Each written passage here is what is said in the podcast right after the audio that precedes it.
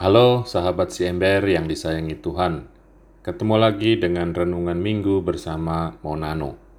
Semoga kalian semua tetap sehat dan selalu gembira. Hari ini kita bakalan ngerenungin salah satu perumpamaan Yesus tentang kerajaan sorga atau kerajaan Allah yang ada di Injil Matius bab 22 ayat 1 sampai 10. Tema hari ini bernuansa sukacita yaitu undangan. Sayangnya ujungnya nggak enak. Undangan yang ditolak. Sebelum dengerin renungannya, yuk kita baca dulu Injilnya. Sekali peristiwa, Yesus berbicara kepada para imam kepala dan tua-tua bangsa Yahudi dengan memakai perumpamaan. Katanya, Hal kerajaan surga itu seumpama seorang raja yang mengadakan perjamuan nikah untuk anaknya. Ia menyuruh hamba-hambanya memanggil orang-orang yang telah diundang ke perjamuan nikah itu, tetapi mereka tidak mau datang.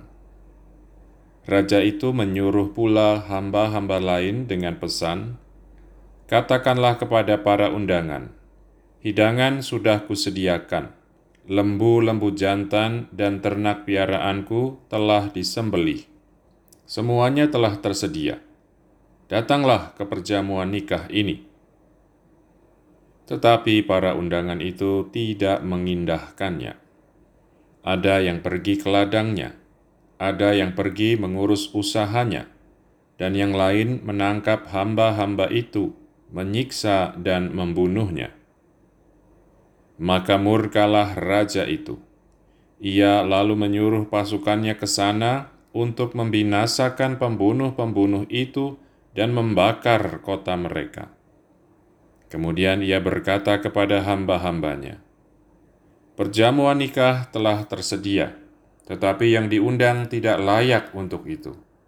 Sebab itu pergilah ke persimpangan-persimpangan jalan dan undanglah setiap orang yang kamu jumpai di sana ke perjamuan nikah ini.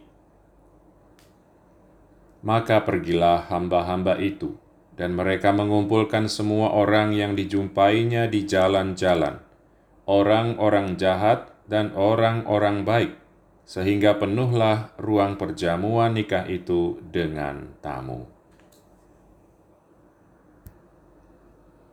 Berbahagialah kita yang diundang ke dalam perjamuannya. Teman-teman yang dikasihi Tuhan, pernah dengar potongan kalimat tadi nggak? Pasti pernah dong. Kalau bilang nggak pernah, berarti kalian terlalu. Kalau nggak ingat pernah dengar juga, terlalu. Kenapa begitu? Dengerin terus renungannya. Juga kalau mau tahu kebenaran kalimat tadi. Teman-teman terkasih dalam Kristus, perumpamaan tadi pertama-tama punya arti yang sifatnya lokal. Tamu-tamu yang diundang, tapi kemudian menolak datang, melambangkan orang-orang Yahudi. Berabad-abad lalu, mereka telah diundang Tuhan untuk menjadi bangsa pilihannya. Tapi waktu Anak Allah datang ke dunia dan mereka diundang untuk mengikutinya, mereka menolaknya dengan kasar Akibatnya, undangan Allah ditujukan kepada orang-orang di jalan yang melambangkan para pendosa dan bangsa-bangsa lain. Selain itu, perumpamaan ini juga mengandung pesan yang lebih luas yang menjangkau kita juga yang hidup di zaman ini. Pertama, ini ngingetin kita kalau undangan Tuhan untuk masuk kerajaannya adalah suatu undangan untuk mengalami sukacita. Meskipun jalannya adalah jalan penyangkalan diri dan memikul salib, adalah salah untuk berpikir bahwa kekristenan adalah jalan hidup yang suram, tanpa tawa, sinar matahari, dan persekutuan yang menggembirakan. Justru sifat utama kekristenan adalah sukacita dan kegembiraan. Dan itulah yang enggak didapat orang yang menolak undangan Tuhan. Juga, meskipun dalam perumpamaan disebut soal hukuman, pembinasaan, dan pembakaran kota, kerugian sesungguhnya dari menolak undangan Tuhan ialah gak bisa mengalami sukacita dan kegembiraan bersama Tuhan, bukan soal hukuman. Selain itu, Yesus juga mau ngingetin kita kalau undangan Bapaknya ialah undangan rahmat. Orang-orang yang dikumpulkan dari jalan-jalan sama sekali tidak punya kaitan dengan sang raja. Gak punya kemungkinan untuk masuk ke dalam perjamuan nikah yang megah. Bahkan ngebayangin aja mereka enggak. Nah, nyatanya akhirnya mereka masuk. Ada di dalam perjamuan itu dan itu terjadi semata karena kemurahan hati sang raja. Rahmatlah yang mengundang, rahmat jugalah yang mengumpulkan orang-orang itu. Mantereman kekasih Allah, bukan cuma soal Tuhan aja yang diingetin Yesus lewat perumpamaan itu, tapi juga tentang diri kita sendiri. Seperti bangsa Israel dulu, banyak orang sekarang ini juga menolak undangan Tuhan. Ada yang dengan tegas dan jelas sejak awal menolak tawaran undangan itu. Tapi ada juga yang mengaku menerima undangan itu, tapi dalam hidupnya berulang kali melakukan perbuatan-perbuatan yang sesungguhnya menolak Tuhan. Ada hal-hal negatif atau jahat yang jelas-jelas menempatkan orang berseberangan dengan Tuhan tapi seperti kita dengar dalam perumpamaan, ada juga hal-hal lain yang sebenarnya baik, namun toh ketika dipilih menjadikan mereka menolak undangan Tuhan. Dalam konteks kita sekarang, saya kira masih banyak orang gak ikut misa semata karena males. Ada yang pakai waktunya untuk senang-senang. Seperti dalam perumpamaan, ada juga orang yang nggak ikut misa karena ngurus pekerjaan atau usahanya. Ada yang lain menjadikan kesehatan sebagai alasan. Mereka bilang, wah minggu pagi itu satu-satunya waktu gue bisa olahraga, sekalian kumpul sama keluarga. Tapi Sabtu sore atau Minggu sorenya tetap aja mereka nggak pergi ke gereja untuk ikut misa.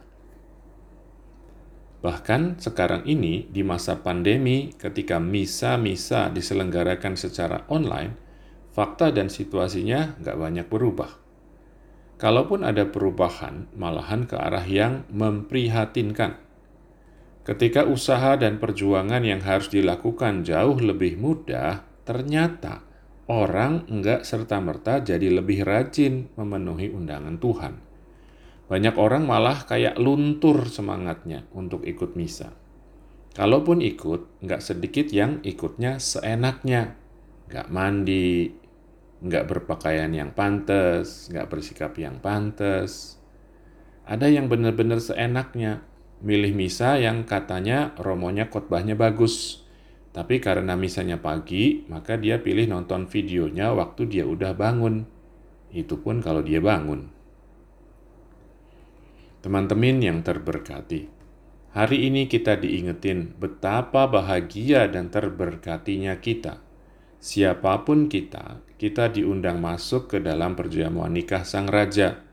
Kita bisa ngaku sebagai orang-orang yang diundang. Kita mungkin ngerasa sebagai orang-orang berdosa dari pinggir jalan. Kenyataannya, lewat Yesus putranya, Allah mengundang kita ikut serta dalam perjamuannya perjamuan sukacita dan kegembiraan. Diundang aja udah istimewa, apalagi kalau beneran datang. Betapa bahagia dan terberkatinya kita. Yuk guys, jangan sibuk sendiri, jangan kebanyakan alasan, jangan mau enaknya sendiri. Yuk, belajar lebih sadar betapa besar rahmat yang ditawarin ke kita belajar lebih wise and smart untuk nggak nolak undangan Tuhan buat kita. Gak perlu dihukum kok. Kita nolak aja udah rugi sendiri. Gede lagi ruginya. Kalau perjamuan yang sekarang aja nggak pernah datang, gimana mau masuk ke perjamuan kekal? Jangan lupa, berbahagialah kita yang diundang ke dalam perjamuannya. Tuhan memberkati.